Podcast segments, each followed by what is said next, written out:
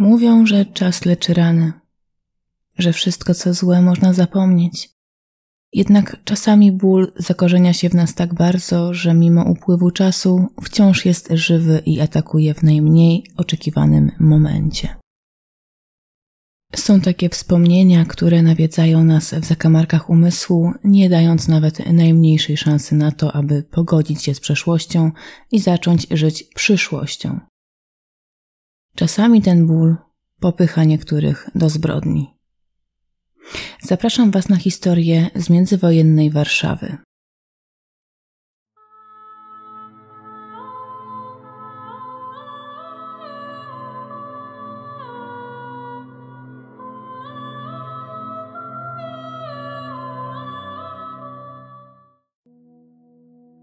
Jest 1 maja 1930 roku. Przez cały kraj przetacza się szereg manifestacji socjalistycznych. Polska policja skupia się na zapewnieniu bezpieczeństwa manifestantom i unieszkodliwieniu komunistycznych opozycjonistów. Wbrew powszechnym obawom, manifestacje w Warszawie przebiegają jednak dość spokojnie. Dochodzi godzina 15. W mieszkaniu przy ulicy Łódzkiej 12 w Warszawie mieszka rodzina Ziembińskich. 60-letni Leon, właściciel pracowni Kowalskiej oraz jego żona Władysława. Do mieszkania Ziembińskich puka nieznany kobiecie mężczyzna. Pyta o jej męża. Leona nie ma jednak w mieszkaniu. Nieznajomy zapowiada, że wróci, gdy Leon będzie już w domu. Cztery godziny później o godzinie 19 w mieszkaniu Ziembińskich znów rozlega się odgłos pukania. Tym razem do drzwi podchodzi Leon Ziembiński, który w przeciągu ostatnich godzin zdążył już wrócić do domu. Na progu stoi ten sam nieznajomy mężczyzna. Nie wiadomo, jaki ma interes do Ziembińskiego, jednak żona Leona zauważa, że mężczyzna najprawdopodobniej nie znał jej męża. Kiedy zobaczył Leona w drzwiach, upewnił się najpierw, że jest tym mężczyzną, którego szuka. Znaczyło to, że nie był pewny tego, jak wygląda jej mąż. Po potwierdzeniu personaliów Ziembińskiego, obaj panowie wchodzą do przedpokoju. Ziembińska oddala się, chcąc zapewnić mężczyznom odrobinę prywatności. Nie słyszy, o czym mąż rozmawia z nieznajomym, jednak temat musi być drażliwy, Głosy są bowiem podniesione. Ziembińska nie zdążyła jeszcze dobrze zająć się swoimi sprawami, kiedy usłyszała odgłos wystrzału. Kobieta szybko popędziła w kierunku, z którego dochodziły niepokojące odgłosy. Kiedy dotarła do pokoju, zobaczyła, że Leon posiada ranę postrzałową na klatce piersiowej. Pomimo obrażeń, Ziembiński miał jeszcze na tyle siły, by próbować obezwładnić nieznajomego mężczyznę, który trzymał w ręku broń. Niestety, napastnik okazał się silniejszy. Obalił Ziembińskiego na podłogę, oddając do leżącego kolejne dwa strzały. Po ataku spokojnie opuścił mieszkanie. Ziembińska była tak zszokowana widokiem zakrwawionego męża, że początkowo nawet nie zdążyła zareagować. Po chwili oprzytomniawszy, kobieta zawiadomiła o zdarzeniu pogotowie ratunkowe. Medycy, słysząc, że w mieszkaniu przy ulicy Łódzkiej 12 doszło do strzelaniny, poinformowali o zdarzeniu pobliski komisariat. Wkrótce na miejscu zjawiły się obie służby ratunkowe. Przybyły na miejsce lekarz stwierdził zgon Leona Ziembińskiego. Schulz, starszy przodownik policji, po rozmowie z Ziembińską ruszył w ślad za zbiegłym mężczyzną. Po chwili udało mu się natrafić na jego ślad.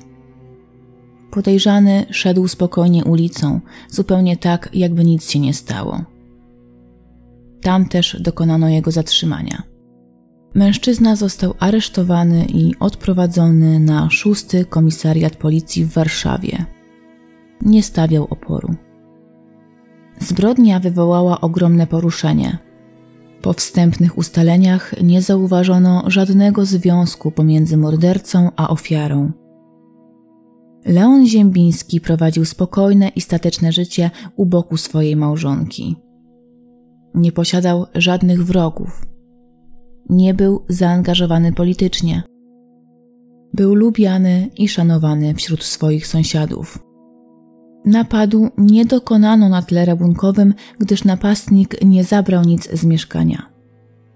Dlaczego więc nieznany mężczyzna postanowił wejść do mieszkania przy ulicy Łódzkiej i bez żadnego powodu trzykrotnie oddać strzał w kierunku 60-letniego przykładnego obywatela?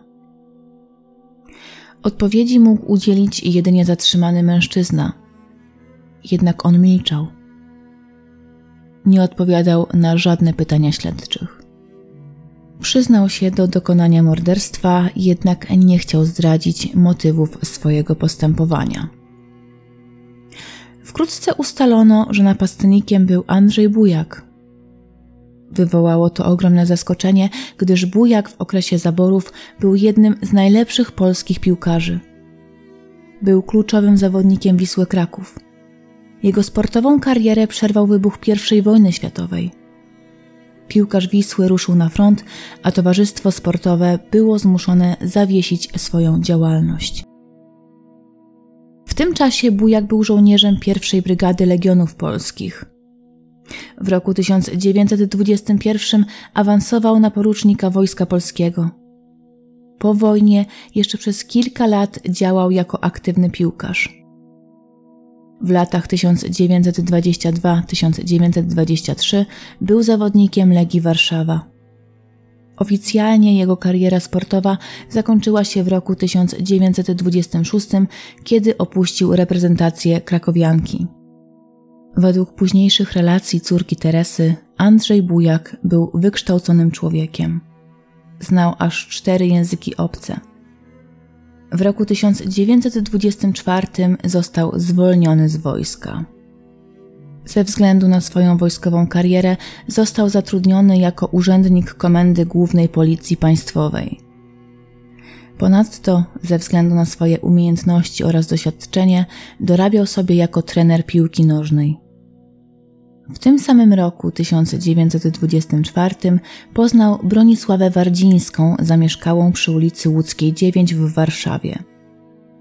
Po roku znajomości para zalegalizowała swój związek. 2 kwietnia 1926 roku na świat przyszło pierwsze dziecko pary, wyczekany synek Mieczysław. Para pobrała się z miłości i na pierwszy rzut oka było to bardzo udane małżeństwo.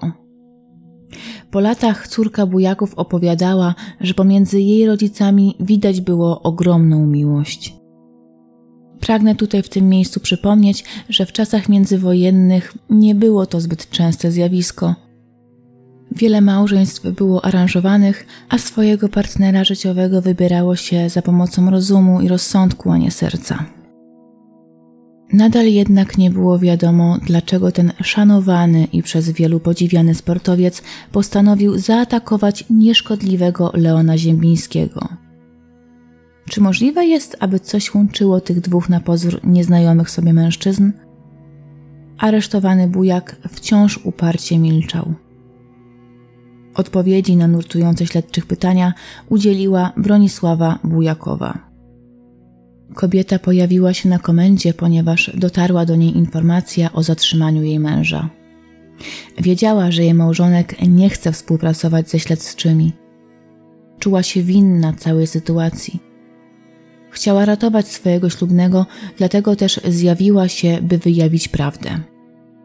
Wyszłam za mąż przed siedmioma laty, a przed dziesięcioma, gdy miałam szesnaście lat, spotkałam świętej pamięci Ziembińskiego – był wówczas pięćdziesięcioletnim, czerstwym jeszcze mężczyzną, a ja znajdowałam się wtedy formalnie na bruku, bosa, obdarta i drżąca z zimna sierota. Pan Ziembiński wziął mnie do swojego mieszkania, nakarmił, odział. Żona jego przebywała na letnim mieszkaniu.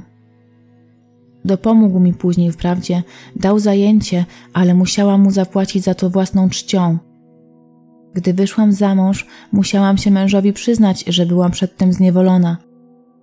Zrobiło to na nim wstrząsające wrażenie. Żyliśmy ze sobą zgodnie, ale ta myśl ciągle w nim tkwiła, ciągle nie dawał mi spokoju. Kto i kto? Dochowałam tajemnicy Ziembińskiego przez siedem lat. Myślałam, że mąż da za wygraną. Andrzej Bujak został poinformowany o zeznaniach swojej żony. Wtedy też doszło do niego, że prawda i tak wyszła na jaw. Zdecydował się zeznawać. Opowiedział, że do pierwszego stosunku seksualnego pomiędzy nim a Bronisławą doszło jeszcze przed ślubem. Wtedy też odkrył, że nie był pierwszym kochankiem swojej wybranki. Choć darzył ją szczerym uczuciem, nie potrafił pogodzić się z faktem, iż nie był pierwszym mężczyzną, któremu oddała się kobieta. Bronisława wyznała mu wtedy, że w swoich młodzieńczych latach, gdy desperacko poszukiwała pracy, została wykorzystana seksualnie. Nie chciała jednak przyznać, kto był sprawcą jej nieszczęścia. Pomimo tej ujmy postanowił, że bez względu na wszystko ożeni się ze swoją ukochaną. Kobieta z kolei była przekonana, że czas goi rany, a Andrzej wkrótce zapomni o jej wyznaniu. Ale nie zapomniał. Lata mijały, a jego wciąż nawiedzały obrazy jego żony z innym mężczyzną. Systematycznie błagał Bronisławę, by ta wyznała mu personalia swojego oprawcy. W końcu, targany emocjami, zagroził żonie, że popełni samobójstwo, jeżeli ta wreszcie nie wyzna mu prawdy. Nie był dłużej w stanie już żyć w tej nieświadomości. W nocy z 30 kwietnia na 1 maja 1930 roku Bronisława wyznała, iż osobą, która wykorzystała jej ciężkie położenie, był jej sąsiad, Leon Ziembiński. Następnego dnia bujak chwycił za kieliszek, do którego nalał wódki. Rozgoryczony postanowił zatopić swoje smutki w alkoholu. Opróżnił całą butelkę. Wyznanie żony wcale nie poprawiło jego sytuacji. Teraz jeszcze ciężej było mu uporządkować myśli. Około godziny dwunastej wyszedł z domu. Zanim jednak opuścił lokal, wziął ze sobą kolejną butelkę wódki. Początkowo kręcił się trochę po Warszawie, aż nogi same poprowadziły go na ulicę Łódzką. O godzinie 15 bujak zapukał do drzwi Leona Ziembińskiego. Nie zastał mężczyzny. Postanowił więc odwiedzić swoją teściową, która mieszkała w jego sąsiedztwie. Tam też wypił przyniesiony przez siebie alkohol. Była to już druga butelka, którą mężczyzna opróżnił tego dnia. W końcu przed godziną dziewiętnastą wyszedł i ponownie skierował się do sąsiedniej kamienicy na ulicę Łódzką 12. Wujak sam przyznał, że był wtedy pijany. Ledwie był w stanie ustać o własnych siłach. Jednak ani Ziembińska, ani jej mąż nie zauważyli u nieznajomego żadnych oznak upojenia alkoholowego. Najprawdopodobniej było to spowodowane adrenaliną. Tak o tym dniu opowiadał Andrzej Bujak. Nad życiem moim zaciążył ten wypadek, ten gwałt. Nie mogłem się opanować, nie mogłem odpędzić od siebie myśli, że on, Ziembiński, wykorzystał moją żonę, że za pracę, jaką jej dał, że za parę groszy. Ta scena stale stawała przed oczyma. Ja sam chciałem się zastrzelić, ale myślałem, że może przecież uda mi się żyć. Byłem urzędnikiem w komendzie policji.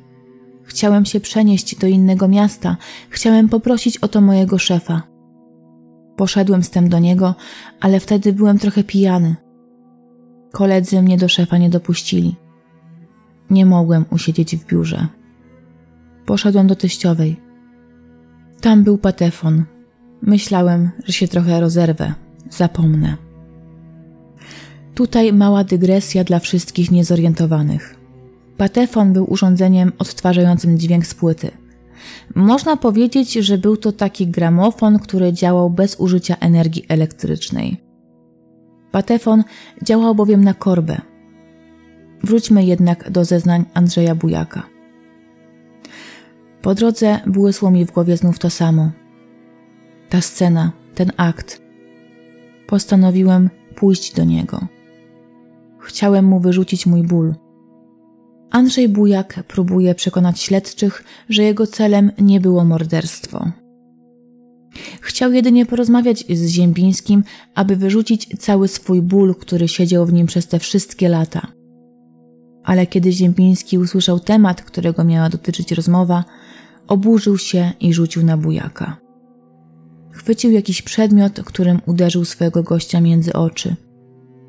Pijany bujak, który w tamtej chwili nie myślał do końca racjonalnie, postanowił się bronić. Zrobił to w pierwszy możliwy sposób, jaki przyszedł mu do głowy. Chwycił za broń. Jako były porucznik i pracownik komendy policji, zawsze miał ją przy sobie. Teoretycznie sprawa była rozwiązana. Jednak nie można było uzyskać stuprocentowej pewności co do celu oraz przebiegu napadu. Czy Bujakowa mówiła prawdę, czy też wymyśliła rzekomy gwałt, aby usprawiedliwić się przed mężem? Czy Andrzej Bujak faktycznie chciał jedynie porozmawiać z oprawcą swojej żony, czy też wszedł do mieszkania z zamiarem dokonania morderstwa? Czy Leon Ziembiński zaatakował pierwszy, czy po prostu usiłował się bronić? Na wszystkie te pytania starano się znaleźć odpowiedź podczas procesu sądowego, który ruszył w styczniu 1931 roku. Prokuratura powołała świadków, którzy mieli poświadczyć o rzekomym złym prowadzeniu się Bujakowej, o porywczej naturze oskarżonego Andrzeja Bujaka oraz o nieposzlakowanej opinii Leona Ziembińskiego. Obrona z kolei chciała udowodnić, iż Leon Ziembiński znany był ze swojego zamiłowania do młodych i naiwnych dziewczyn, a oskarżony bujak bronił jedynie honoru swojego i swojej małżonki. Przebieg procesu jest o tyle ciekawy, że w zasadzie każda ze stron przedstawiła dowody świadczące na korzyść swojej teorii. Jako pierwszy zeznawał oskarżony Andrzej Bujak. Mężczyzna był opisywany przez prasę jako chudy, nerwowy mężczyzna. Oskarżony ponownie opowiedział o tym, jak przez siedem lat swojego związku był prześladowany wizją tragicznych przeżyć swojej żony. Koszmary miały nawiedzać go systematycznie, a on sam, pomimo udanego pożycia z żoną, nie mógł się z tym pogodzić. Widać u niego poddenerwowanie. Mężczyzna swoje zeznania składa mówiąc bardzo szybko i niewyraźnie. Dalszy opis zdarzenia pokrywa się z zeznaniami złożonymi przez bujaka w śledztwie. Co ciekawe, na wierzch wypływa pewna mało istotna, natomiast ukazująca dualistyczne oblicze moralności oskarżonego sprawa. Bujak wielokrotnie podkreślał, że nie był w stanie pogodzić się z tym, że jego żona przed zawarciem związku małżeńskiego utrzymywała intymne stosunki z innym mężczyzną. To, że została wykorzystana seksualnie, oczywiście ją rozgrzeszało, ale wizja ukochanej, która oddaje się w całości innemu, była dla Andrzeja Bujaka koszmarem. Okazało się jednak, że za swoich czasów kawalerskich Andrzej Bujak spłodził dziecko swojej ówczesnej kochance. Nie związał się jednak z kobietą, która powiła jego pierwsze dziecko. Nieślubne dziecko wraz z matką mieszkało w Krakowie. Na swoje usprawiedliwienie Bujak potwierdził przed sądem, że jego żona wiedziała o tym, iż posiada on nieślubnego potomka i nie widziała w tym żadnego problemu. Nawet jeżeli była to prawda, to ta sytuacja stawiała oskarżonego w mało korzystnym świetle. Sam korzystał z życia, nie stroniąc od uciech seksualnych. Jednak kiedy okazało się, że jego żona inicjację seksualną również ma już za sobą, nie mógł się z tym pogodzić. Można powiedzieć, że była to hipokryzja w czystej postaci. W dwudziestoleciu międzywojennym przymykano jednak oko na męskie romanse. To głównie od kobiet wymagano, aby te zachowywały czystość przed ślubem. I po dziś dzień zresztą inaczej traktuje się rozwiązłość seksualną mężczyzn, a inaczej kobiet. Kto żył w małym miasteczku, ten na pewno wie o czym mówię. Na całe szczęście powoli to się zmienia. Obrońca oskarżonego Andrzeja Bujaka, mecenas Rundo, próbuje przekonać sąd, iż to Leon Ziembiński jako pierwszy wykazał się agresją. Wersję tę potwierdziła teściowa bujaka, Julia Wardzińska. Kobieta przyznała, że nie miała pojęcia o roli, jaką w życiu jej córki odegrał Leon Ziembiński. Bronisława nigdy nie zwierzyła jej się ze swojej niedoli. Dopiero kiedy bujak został aresztowany, zdradziła jej powód agresji męża. Kiedy więc jej zięć postanowił wyjść od niej z mieszkania i wejść do bramy sąsiedniej kamienicy, nie wiedziała, że to właśnie mieszkanie Ziembińskich było jego celem. Była przekonana, że bujak uda się do mieszkania rządcy. Ponieważ zięć był u niej wcześniej w mieszkaniu i wypił butelkę wódki, zapobiegawczo postanowiła ruszyć za nim. Kiedy dotarła na piętro, zauważyła, że drzwi do mieszkania Ziembińskich są otwarte na oścież. Zajrzała więc do środka. Wtedy też zauważyła, jak Ziembiński uderzył bujaka między oczy jakimś przedmiotem. Kobiecie wydawało się, że były to klucze od mieszkania. Nie była jednak tego pewna w stu procentach. Bezpośrednio po ataku Ziembińskiego padły strzały oddane z broni bujaka. Wardzińska podała nawet w przybliżeniu, jak wyglądał przedpokój w mieszkaniu Ziembińskich. Miało to zapewne na celu udowodnić, że kobieta nie kłamie i była na miejscu w chwili popełnienia zbrodni. Wersji wardzińskiej zdecydowanie zaprzecza żona Ziembińskiego, której starsze już lico było ukryte pod żałobnym welonem. Kobieta zeznała, że co prawda jej mąż uderzył oskarżonego Andrzeja Bujaka, jednak miało to miejsce już po pierwszym postrzale. Jej mąż nigdy nie wykazywał się agresją. Tak miało być i tym razem. Leon po prostu próbował się bronić. Niestety bezskutecznie. Władysława Ziembińska opowiada, że ze swoim mężem przeżyła wspaniałe 32 lata. Ich małżeństwo było zgodne i harmonijne. Mąż nigdy nie dawał jej powodów do zazdrości. Według Ziembińskiej mężczyzna nigdy nie miał żadnych przygód erotycznych. Ale umówmy się, nawet gdyby Ziembiński romansował na boku, to raczej jego ślubna byłaby ostatnią osobą, przed którą chciałby się do tego przyznać. Ziembińska była jednak przekonana, iż jej mąż nigdy nie dopuściłby się zdrady małżeńskiej, a już na pewno nie skalałby się czymś tak ohydnym jak gwałt. Bronisławę Bujakową, wcześniej znaną jako Bronisława Wardzińska, znała z jej młodzieńczych lat. Mieszkała w sąsiedztwie. Uważała, że zarówno Bronisława, jak i jej siostra prowadziły raczej frywolny tryb życia. Dziewczyny nie cieszyły się najlepszą opinią wśród sąsiadów i uznawane były raczej za jedne z tych lekko prowadzących się dziewcząt. Sąsiedzi z kamienicy przy ulicy Łódzkiej 12 potwierdzili słowa kobiety. Z ust jednego ze świadków padło nawet stwierdzenie, iż Bronisława Bujak za czasów panieńskich posiadała sporo narzeczonych. Insynuowano, że skoro bujak nie był jej pierwszym mężczyzną, to być może nie był nawet i drugim. Strażnicy moralności przerzucali się historiami na temat rzekomego złego prowadzenia się bujakowej.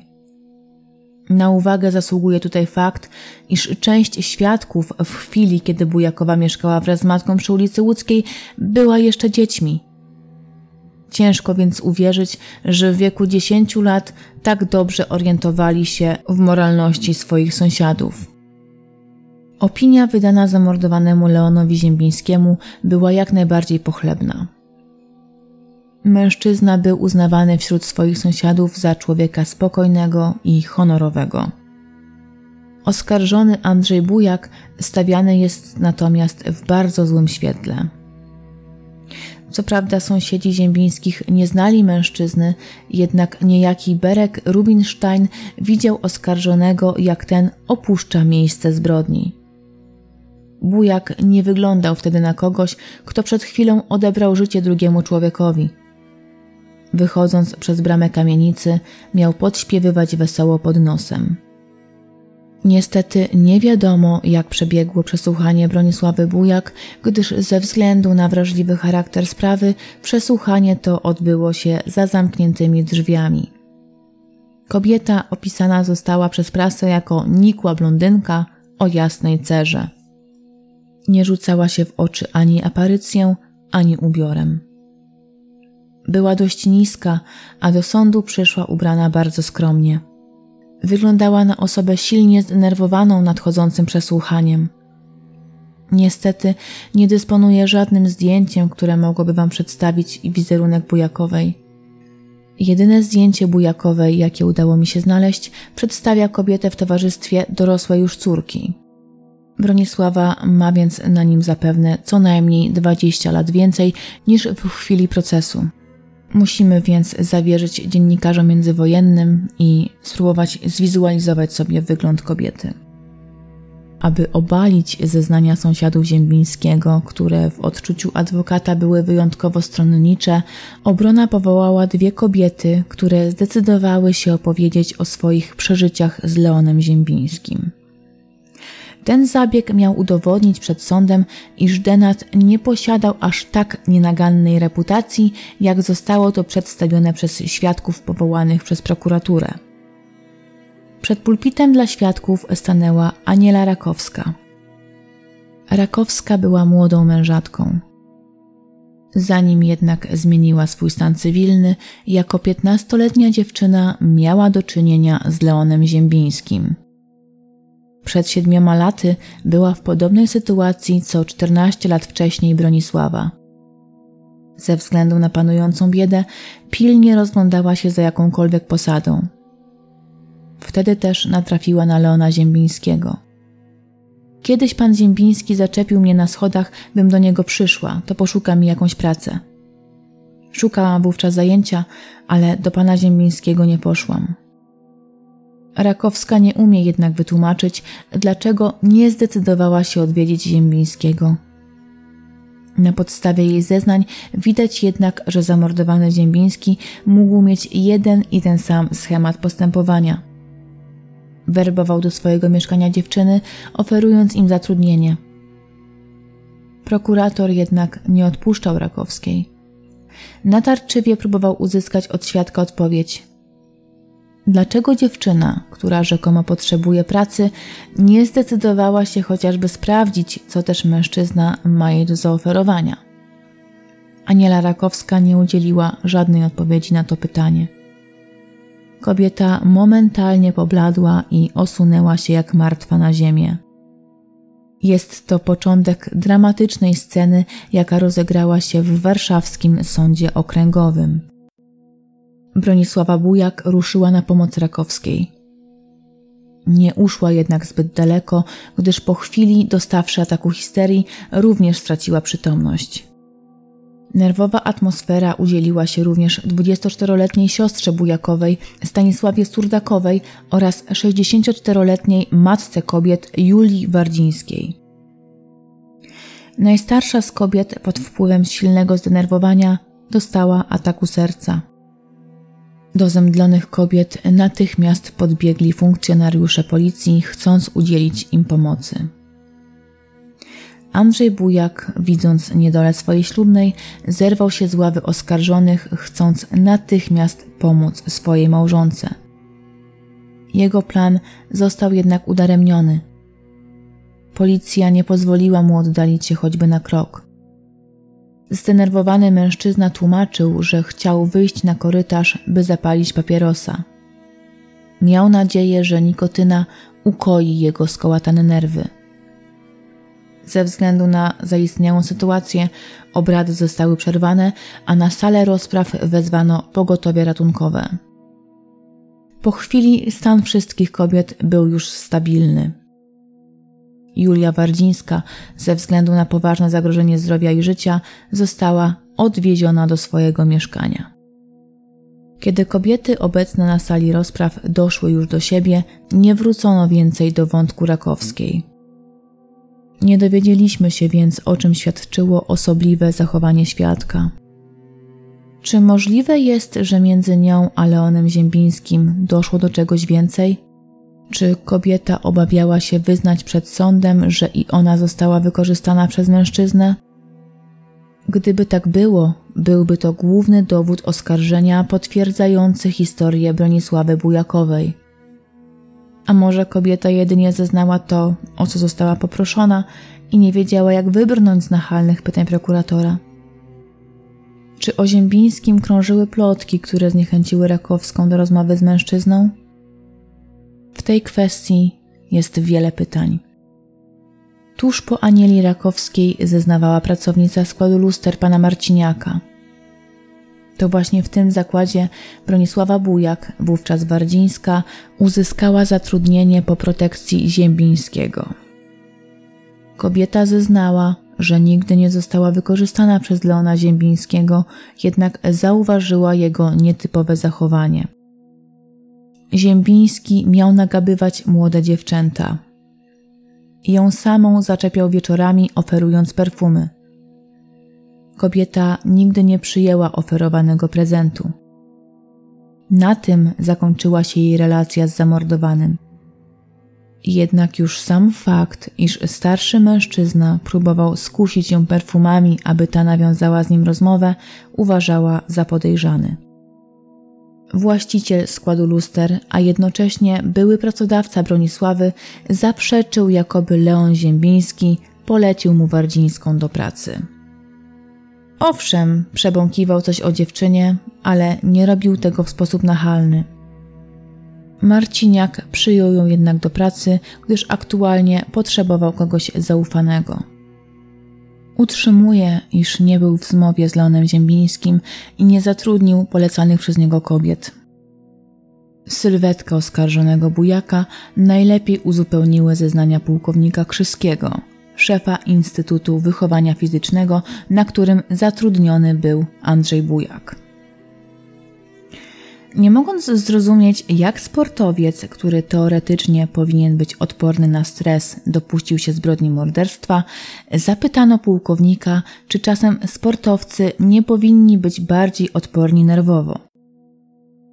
Pułkownik odpowiedział: Zasadniczo tak, ale w stosunku do podsądnego sprawa przedstawia się inaczej, gdyż był on tak zwanym asem sportowym. Stale go podziwiano. Stale budził entuzjazm, był przyjmowany przez wysoko postawione osobistości. Noszono go niemal na rękach. Wszystko to wytworzyło w nim chorobliwą ambicję. Zresztą, jak sam obecnie mówi, prześladowała go wizja nieszczęścia żony wtedy, gdy była szesnastoletnią, nieświadomą życia i pozostającą bez środków utrzymania dziewczyną. Przyzwyczaił się do tego, że zawsze był pierwszy. Z zeznań Krzyskiego można było wywnioskować, że Bujak nie mógł pogodzić się z faktem, iż nie był pierwszym mężczyzną swojej żony. Nie chodziło tutaj tylko o fakt, iż jego ukochana została wykorzystana seksualnie, choć zapewne to również miało znaczenie. Chora ambicja Bujaka nie mogła przeboleć, że jego żona odbyła stosunek z mężczyzną innym niż on sam. Całej sytuacji zapewne nie pomógł fakt, iż Andrzej Bujak był uzależniony od alkoholu. Pułkownik przyznał na sali rozpraw, że za czasów swojej kariery Bujak bardzo często był zapraszany na bankiety. Na takich imprezach alkohol lał się strumieniami, a młodemu zawodnikowi nie wypadało odmawiać. Kiedy wszedł w związek z Bronisławą, jego uzależnienie się pogłębiło. Rozczarowany i zawiedziony, próbował zatopić swoje smutki w alkoholu. Ale demony przeszłości nie odpuszczały. Wódka jeszcze bardziej pogłębiła jego rozgoryczenie, które mimo upływu lat nie chciało odpuścić. W końcu 30 kwietnia 1930 roku nie wytrzymuje. Grozi swojej małżonce, że odbierze sobie życie, jeżeli ta nie przyzna w końcu, kim był osobnik, z którym odbyła pierwszy stosunek seksualny. Sąsiadka Bujaków przyznaje, że w nocy z 30 kwietnia na 1 maja, czyli w nocy, kiedy Bujak miał w końcu wydusić z żony nazwisko jej oprawcy, słyszała, jak Andrzej Bujak wył nieludzkim głosem. Bujakowa miała uspokajać męża, mówiąc: Jędruś, no już, uspokój się. Później tej samej nocy sąsiadka słyszała nawoływania synka bujaków. Chłopiec wołał do swojego ojca: Tatusiu, nie bij, mamusi nie wolno. Na tym zakończył się przewód sądowy, który chociaż rzucił nieco więcej światła na całą sprawę, to ostatecznie nie wyjaśnił szczegółów śmierci Leona Ziembińskiego. Jedna ze stron uparcie twierdziła, że Ziembiński jedynie bronił się przed agresorem. Druga przekonywała, że bujaka nawiedzały demony przeszłości, które w końcu wyszły na wierzch, jednak nie miał on intencji zabijać. Kwestia rzekomego gwałtu również nie została rozwiązana. Co prawda, na sali rozpraw pojawiły się dwie kobiety donoszące o dziwnych nawykach Ziembińskiego, jednak obie panie nie miały żadnego dowodu potwierdzającego skłonności mężczyzny. Oczywiście musimy też zauważyć, że nie wiemy tutaj, co zeznała Bronisława Bujak. Rozstrzygnięcie leżało teraz w rękach sądu. To właśnie sędzia musiał zadecydować o losie oskarżonego Andrzeja Bujaka. Czy mężczyzna popełnił swoją zbrodnię w afekcie? A może odebrał życie Leonowi Ziembińskiemu z pełną premedytacją? Prócz głównego oskarżenia, sąd musiał jeszcze zadecydować, czy Andrzej Bujak będzie musiał zapłacić Władysławie Ziembińskiej. Wdowa po Leonie Ziembińskim założyła bowiem oskarżonemu sprawę cywilną, w której żądała od Bujaka odszkodowania pieniężnego z tytułu strat moralnych. O północy sąd odczytał wyrok. Andrzej Bujak został uznany winnym dokonania zabójstwa pod wpływem silnego wzruszenia psychicznego i sąd wymierzył oskarżonemu karę czterech lat pozbawienia wolności. Jednocześnie sąd zadecydował, iż Andrzej Bujak będzie zmuszony zapłacić wdowie Poziembińskim kwotę 930 zł. Były to koszty, które kobieta poniosła w związku z organizacją pogrzebu swojego męża. Wniosek o odszkodowanie z tytułu poniesionej krzywdy moralnej został odrzucony. Obrońca Andrzeja Bujaka, Stanisław Rundo, złożył wniosek o ponowne rozpatrzenie sprawy w sądzie apelacyjnym. Proces miał ruszyć w czerwcu 1931 roku. Został jednak odroczony, gdyż sąd z pomocą biegłych psychiatrów postanowił sprawdzić to, jak wyglądał stan psychiczny Andrzeja Bujaka w chwili popełnienia morderstwa. Gdyby mężczyzna znajdował się w stanie patologicznego wzburzenia, byłaby to dla niego ogromna okoliczność łagodząca. Tutaj jednak urywa się wątek. Nie wiadomo, co ostatecznie zadecydował sąd. Pomimo przeszukania archiwów prasowych, nie natrafiłam już więcej na żadną wzmiankę o procesie apelacyjnym Andrzeja Bujaka. Najprawdopodobniej wyrok względem niego został złagodzony lub też mężczyzna usłyszał wyrok kary w zawieszeniu. W roku 1932 był już bowiem na wolności, a w roku 1933 na świat przyszła córeczka bujaków, Teresa. Cała sprawa budziła wśród Polaków ogólne poruszenie. Na łamach dzienników zamieszczano listy popierające lub też potępiające czyn wujaka. Byli i tacy, którzy twierdzili, że Andrzej Bujak najbardziej kochał samego siebie. Odpowiem panu krótko. Andrzej Bujak żony swej nie kochał, a jeżeli ją nawet kochał po swojemu, to więcej kochał siebie, a raczej swoją ambicję i źle zrozumiany honor mężczyzny. Podejrzewać tu należy jakiś ciężki rozstrój psychiczny, gdyż inaczej nie skazywałby Bujak siebie na więzienie, a ukochanej kobiety na straszny los żony więźnia. Oczywiście pojawiły się również takie głosy, które mówiły o tym, iż kobietom należy wybaczać wcześniej rozpoczętą inicjację seksualną, zwłaszcza gdy ta nie została rozpoczęta z ich własnej woli. Choć Andrzej Bujak wyszedł szybko na wolność, to jego życie nie potrwało już długo.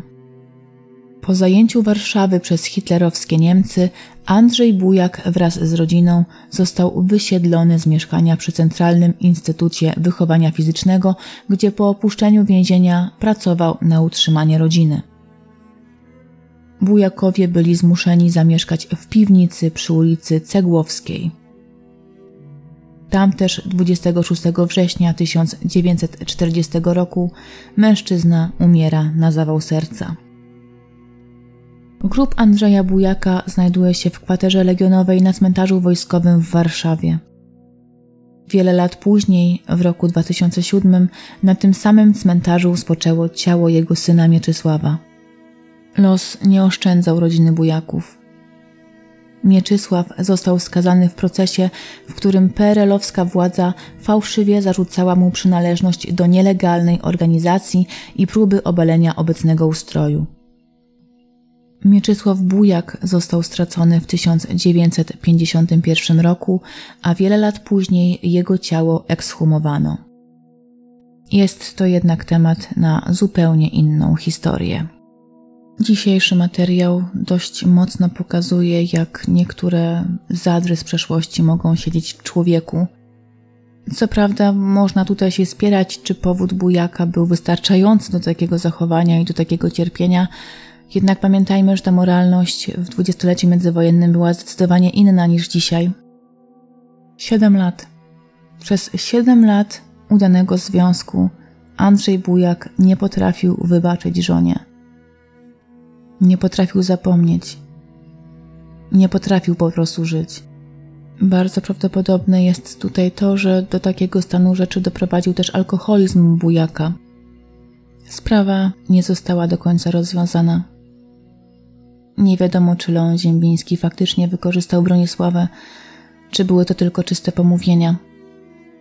Jedyne, czego możemy być pewni, to to, że Leon Ziembiński został brutalnie zamordowany w swoim własnym domu. Czy poniósł zasłużoną karę, czy też zmarł za niewinność? Tego niestety nie wiemy. Jak zwykle bardzo Wam dziękuję za wysłuchanie dzisiejszej historii. W dzisiejszym materiale zamieściłam Wam sporo zdjęć, ponieważ Andrzej Bujak, tak jak wspomniałam, był dość znanym polskim piłkarzem. Dlatego też, jeżeli czujecie niedosyt, to możecie odnaleźć dużo więcej jego zdjęć w internecie, jeżeli będziecie mieli taką ochotę. Polecam też zapoznać się z historią jego syna Mieczysława, ponieważ ta historia również jest bardzo poruszająca, ale chyba nie nadaje się na ten kanał. Oczywiście, jeżeli słuchacie mnie tylko samym dźwiękiem, bez żadnego obrazu, to ja większość zdjęć zamieszczę na Instagramie, na którego Was zapraszam. Znajdziecie mnie tam pod nazwą Zbrodnie Zapomniane. A ja żegnam się z Wami serdecznie i mam nadzieję, że usłyszymy się wkrótce. Trzymajcie się ciepło. Pa!